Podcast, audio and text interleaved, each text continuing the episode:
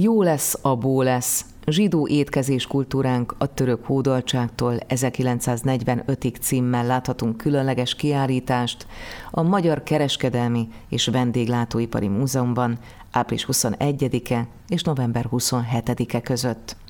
A zsidó konyha fontos részét képezi a magyar gasztronómiának. A kiállítás a magyarországi zsidó gasztronómia történet forrásait állítja a középpontba.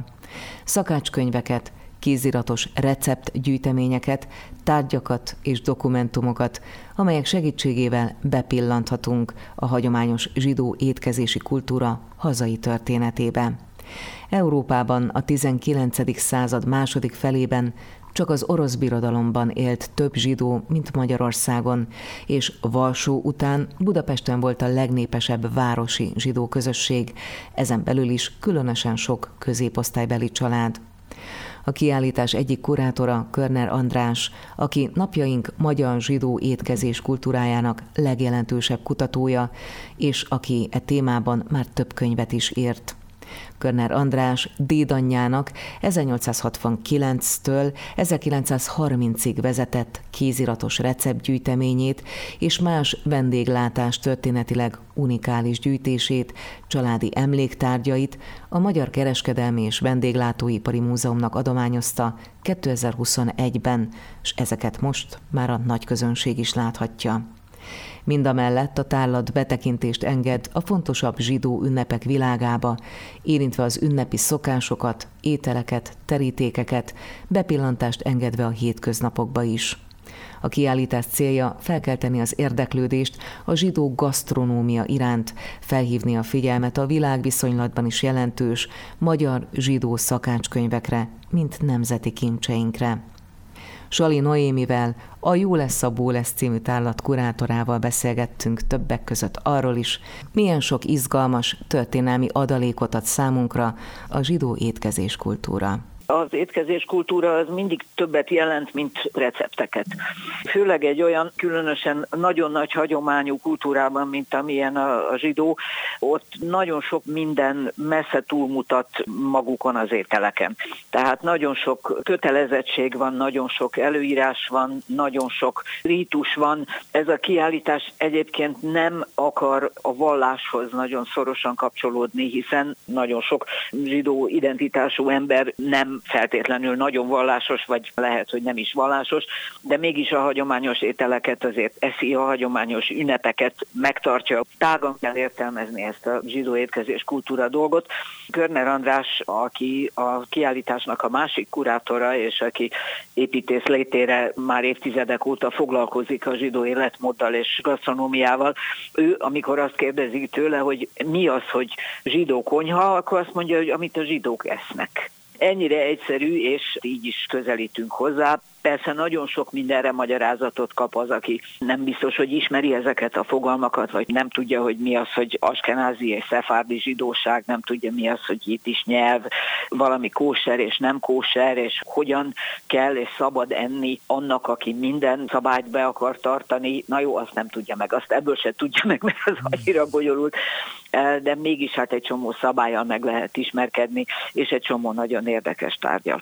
A legérdekesebb darabjai ennek a kiállításnak azok a szakácskönyvek. Kifejezetten sok zsidó szakácskönyv jelent meg a 19. században Magyarországon. Mikor a mai könyv dömbingben gondolkodunk, akkor hat szakácskönyv nem tűnik soknak, de ahhoz képest, hogy a miénknél nagyobb lélekszámú zsidó lakosságú országokban megjelenik ugyanakkor kettő, ahhoz képest azért ez sok.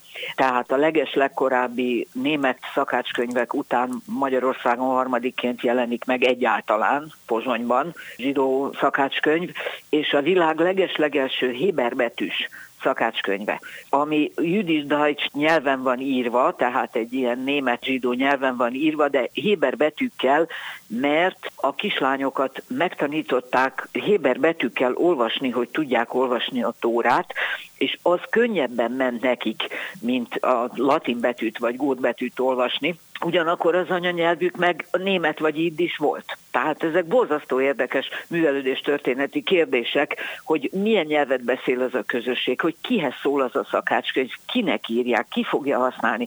Na most hát ezek között mondom, ez egy ilyen egészen kimagaslóan érdekes darab, amit nem olyan nagyon régen az OSK vásárolt meg a világon ismerhető két példányból egyet ebből a szakácskönyvből, és ez most kint van a kiállításon. Nagyon fontos előírás a teljes és a húsos ételek szétválasztása a zsidó konyhában annyira szétválasztják, hogy rendes zsidó háznál két kredenc van a konyhában, sőt, akár két hűtő van, ahol külön tárolják ezeket, és ennek az egésznek az eredete, az a tórának az az előírása, hogy ne főzd a gödőjét az anyja tejében. Tehát ez tágan értelmezve húst és teljes dolgot együtt enni nem szabad, és akkor van az ételeknek egy harmadik csoportja, az úgynevezett párve, ami semlegest jelent, és akkor azt mindennel lehet enni, vagy mindenhez lehet enni, és akkor persze van egy csomó ilyen kivétel, meg mellékág, amit tényleg csak azt tart be, aki ezt nagyon, nagyon pontosan be akarja tartani. Az például megint csak egyáltalán nem köztudott, hogy a zománc edénygyártók, tehát mondjuk egy bonyhádi gyár. Ők azért gyártottak előszeretettel piros vájlingot, meg kék vájlingot, illetve piros lábost, meg kék lábost, hogy a zsidó háziasszonyoknak segítsenek a különbségtételt egyértelművé tenni, és akkor lehetett tudni, hogy piros fazék, húsos fazék, kék fazék, teljes fazék, azt akkor jó van, akkor így az ember nem keveri össze mosogatáskor vagy főzéskor. A most nyílt kiállítás és Körner András Jó lesz a bó lesz Magyar Zsidó Gasztrotörténeti Tanulmányok című kötete szorosan összekapcsolódik. Mit érdemes tudnunk erről a könyvről? Ebben a könyvben olyan tanulmányok vannak, amelyek ezeket az említett zsidó szakácskönyveket dolgozzák föl nagyon nagy részletességgel, rendkívül érdekesen, és külön fejezetet kap benne ez a titokzatos bólesz, ami a 19. századi Pestnek egy emblematikus zsidó süteménye volt, olyan népszerű, mint a flódni, ez egy ilyen fahéjas, mazsolás csigos sütemény, a receptje fönnmaradt, egyetlen egy helyen sikerült előkotorni a Magyar Elek az Ínyesmester rovatában a 30-as években tette, és egyébként egyetlen szakácskönyvben sincs benne. Jó lehet, sokat emlegetik. Na, szóval ennek a bólesznek a története, a receptje, és a 19. században a bóleszról szóló írások, és így tovább, ez is benne van. A múzeumunk adta ki ezt a könyvet, tehát nálunk lehet kapni, úgyhogy ha valakit érdekel, akkor oda tessenek jönni érte. Sali Noémivel a Jó lesz a bó lesz zsidó étkezés kultúránk a török hódoltságtól 1945-ig című tárlat egyik kurátorával beszélgettem.